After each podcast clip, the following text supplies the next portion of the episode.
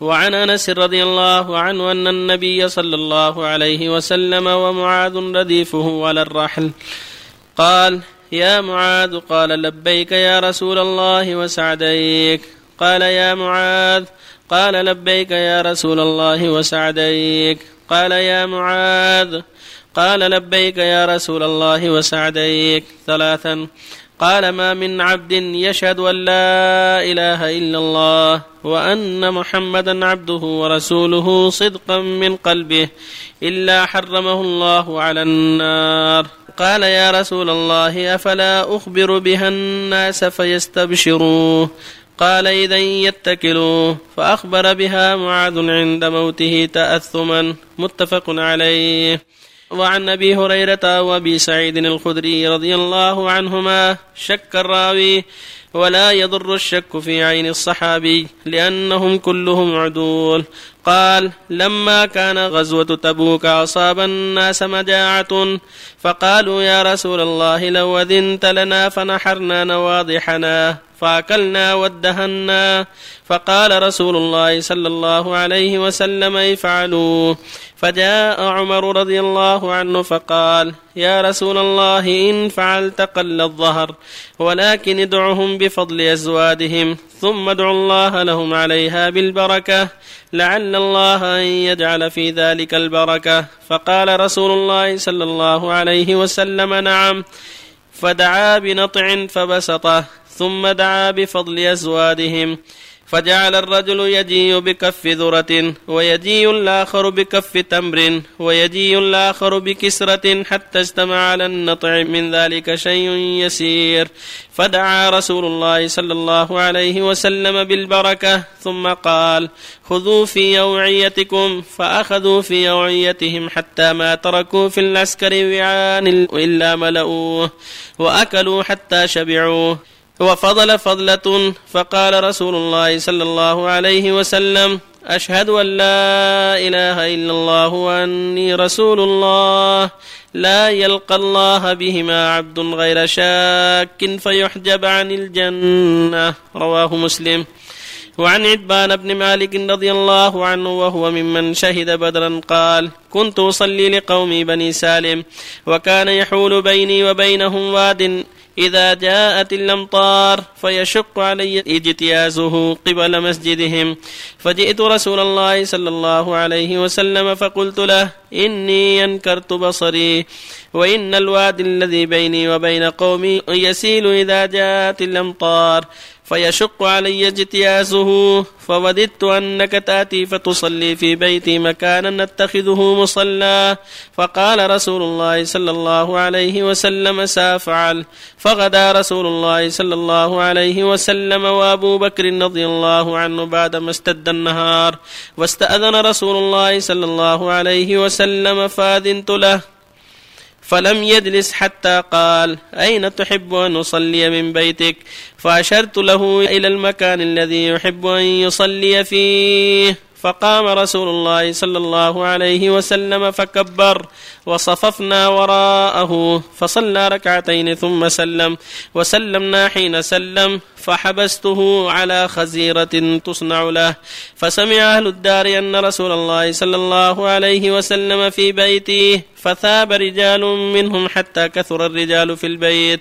فقال رجل ما فعل مالك لا أراه. فقال رجل ذلك منافق لا يحب الله ورسوله. فقال رسول الله صلى الله عليه وسلم لا تقل ذلك ألا تراه. قال لا إله ألا تراه؟ قال لا إله إلا الله يبتغي بذلك وجه الله تعالى. فقال الله ورسوله أعلم. أما نحن فوالله ما نرى وده ولا حديثه إلا إلى المنافقين.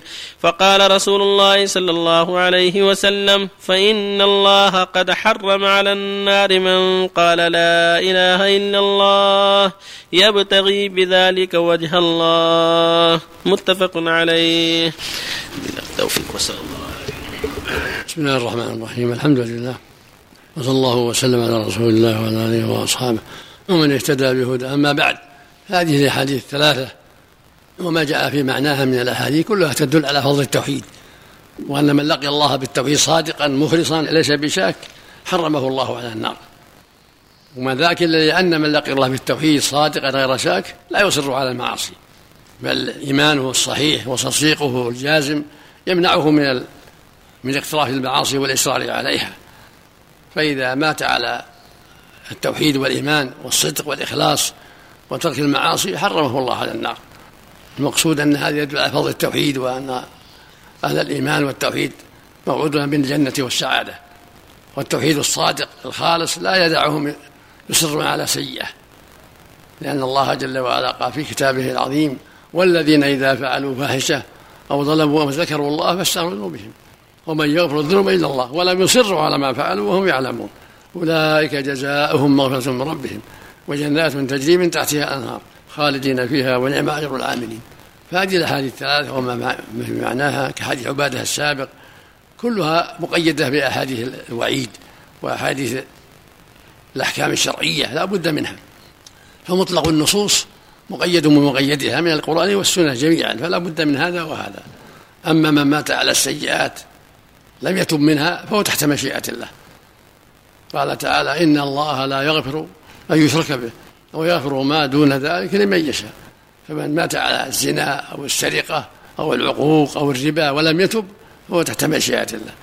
وإن كان موحدا لكن توحيده يكون ناقص. ضعيف لو كان توحيده كاملا لترك المعاصي والإصرار عليها هذا هو الجمع عند أهل السنة والجماعة. الأحاديث المطلقة مقيدة بالأحاديث المقيدة. فلا بد من كون التوحيد صادقا مانعا من الذنوب. حديث معاذ يقول صدقا من قلبه. الحديث الثاني غير شاك. الحديث روى عن من قال لا يبتغي بذا وجه الله؟ لا بد من هذه القيود التي تمنع من الاصرار الذنوب والسيئات. حديث معاذ من شهد أن لا إله إلا الله وأن محمدا صدقا من قلبه. في الرواية الأخرى لما كان معه الرحل عند ردف على الحمار قال أتدري ما حق الله العباد وما حق العباد على الله؟ قلت والله ورسوله. قال حق الله العباد يعبدوه ولا يشركوا بالشيء وهذا معنى شهادة لا إله وأن محمدا صدقا من قلبه. يعبد الله لا يشرك به شيئا. فإذا مات على هذه الحال صادقا تاركا للذنوب غير مصر عليها دخل الجنة من أول والة أما إن مات على المعاصي لم يتب فهو تحت مشيئة. إن شاء الله غفر له. وإن شاء أدخله النار حتى يطهر من سيئاته فإذا طهر منها في النار أخرجه الله من النار إلى الجنة بفضل رحمته جل وعلا. ولا يبقى في النار إلا الكفار لا يخلل فيها إلا كفرة الذين قال فيهم سبحانه كذلك يريهم الله أعمالهم حسرات عليهم وما هم بخارجين من النار. ويقول فيهم جل وعلا يريدون أن يخرجوا من النار وما هم بخارجين منها ولهم عذاب مقيم. هذه حال الكفرة. أما العصاة فلهم مخرج. إذا عذبوا قدر معاصيهم لهم مخرج. يخرجهم الله من النار ولو بقوا مدة طويلة. يخرجهم الله من النار إلى الجنة.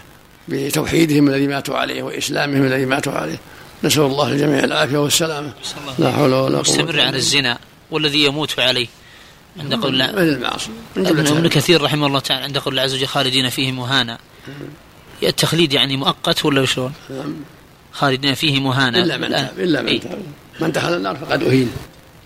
ما عاد أعظم إهانة من دخول النار نسأل الله. والخلود هنا ما المقصود به عند عدم التوبة؟ الخلود المدة الطويلة. المدة نعم. الطويلة يقال لها خلود. نعم. أقاموا فأخلدوا يطولوا نعم. طلب عثمان لرسول الله أن يصلي في بيته. نعم. ما الحكمة أن عثمان يطلب من رسول الله أن يصلي في البيت؟ لأجل يتخذ مصلى لأنه إذا قصد محل صلى فيه صار محل مناسب محل شريف مثل لما صلى عند مقام إبراهيم صار سنة المحل يقصد الصلاة فيه حتى يتخذ مصلى يكون محل عبادة يكون مبارك يكون محل مبارك. طيب الذي يقصد أما الصلاة العابرة في الطرقات لا. عليك الشرك الاصغر هل يدخل في قوله تعالى إن الله لا يغفر يدخل يدخل فيه لكنه حكم حكم الكبائر لا يخلد صاحبه. إذا مات المصائب تحت مشيئة. ما دام موحد ما تحت مشيئة. مسجد دخل فيه. وردنا أن نصلي فيه فوجد ضريح بجانب المغاسل. هل الصواب خارج المسجد ولا داخل بينه وبين المسجد متر. لا ما ما يضر. لكن نصلي فيه أم نبتعد فيه حتى لا لا صلوا في المسجد. تدرى المسجد. ما دام خارج المسجد. أي. لكن ينصحون. ينقل إلى المقبرة. عن الشبهة نعم. ينقل إلى المقبرة. الذي يموت على كلمة لا إله إلا الله. يعني بلغته آخرا كان صادقا ومن كان منافقا ما تنفع. يعني آخرا تعلم التوحيد مات عليها صادقا من قلب موحدا مخلصا لله ما عنده ذنوب يدخل الجنة من أول وهلة. أما إن كان عنده ذنوب تحت مشيئة الله. يعني من كان من هؤلاء الذين ما بلغهم أما التوحيد. المنافق لا. المنافق من أهل النار ولو قالوا لا إله إلا الله. لأن بواطنهم كفر. لا أحسن الله كان من هؤلاء الذين ما بلغهم التوحيد فبلغ ذلك فمات عن ذلك. إذا مات على التوحيد قالها صدقا ولا يشرك بالله شيئا فهو من أهل الجنة. وإن عذب. نصيره إلى الجنة منتهى إلى الجنة. ولو جرى عليه محن كثيرة ولو مكث في النار سنوات. أحسن الله يسلمك نسأل الله العافية بارك الله فيك. هذه امرأة في حالة غيبوبة لمدة طويلة. وهذه المرأة عندها مبلغ من المال بارك الله فيك. ولها زوج وليس لها أولاد. وكانت قبل مرضها تتمنى أنها تجد أحد تعطيه هذا المال ليضعه في بناء مسجد أو في مشروع خيري. فماذا يفعل في هذا المبلغ الآن؟ هل يتصدق به؟ يبقى يبقى للورثة اي نعم. يبقى للورثة ينتظر لكن ينفق عليها منها ينفق عليها منه اي نعم. وإذا ماتت يقسم بالورثة. أحسن الله. والنية ما, ما تخرجها عن ملكها أحسن الله إليك. أحسن الله هذه امرأة كذلك. أم تريد أن تعطي أحد أبنائها سيارة لأجل مرضه السكر دون الآخرين. فتقول هل يجوز لي ذلك أم ما لا؟ يجوز لا. لا تخصها بشيء هم عارية يستعملها عارية.